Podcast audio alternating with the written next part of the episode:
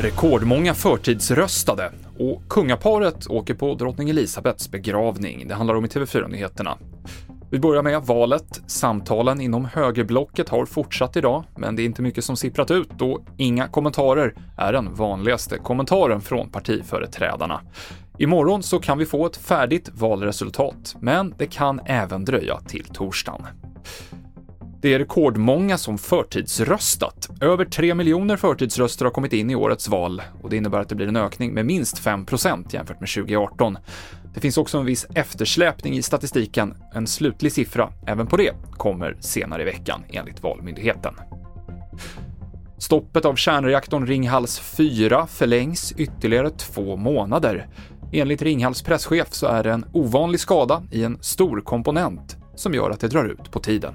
Eh, det gör bland annat att vi kommer bygga upp en fullstor eh, kopia av tryckhållaren för att kunna öva olika arbetsmoment och kvalificera specialverktyg som kommer behövas och så vidare.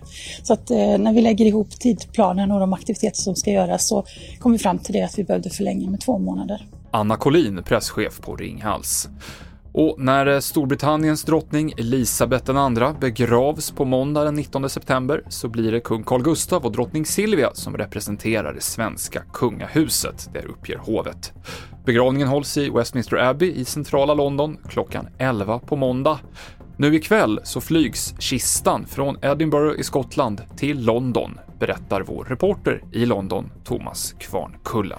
Ja, kistan anländer hit eh, senare ikväll och förs då först till Buckingham Palace. Först imorgon så flyttas den till Westminster Hall eh, där allmänheten sedan eh, under de kommande fyra dygnen har möjlighet att ta sitt farväl av drottningen. Och det väntas bli ett enormt tryck med väldigt, väldigt långa köer utanför.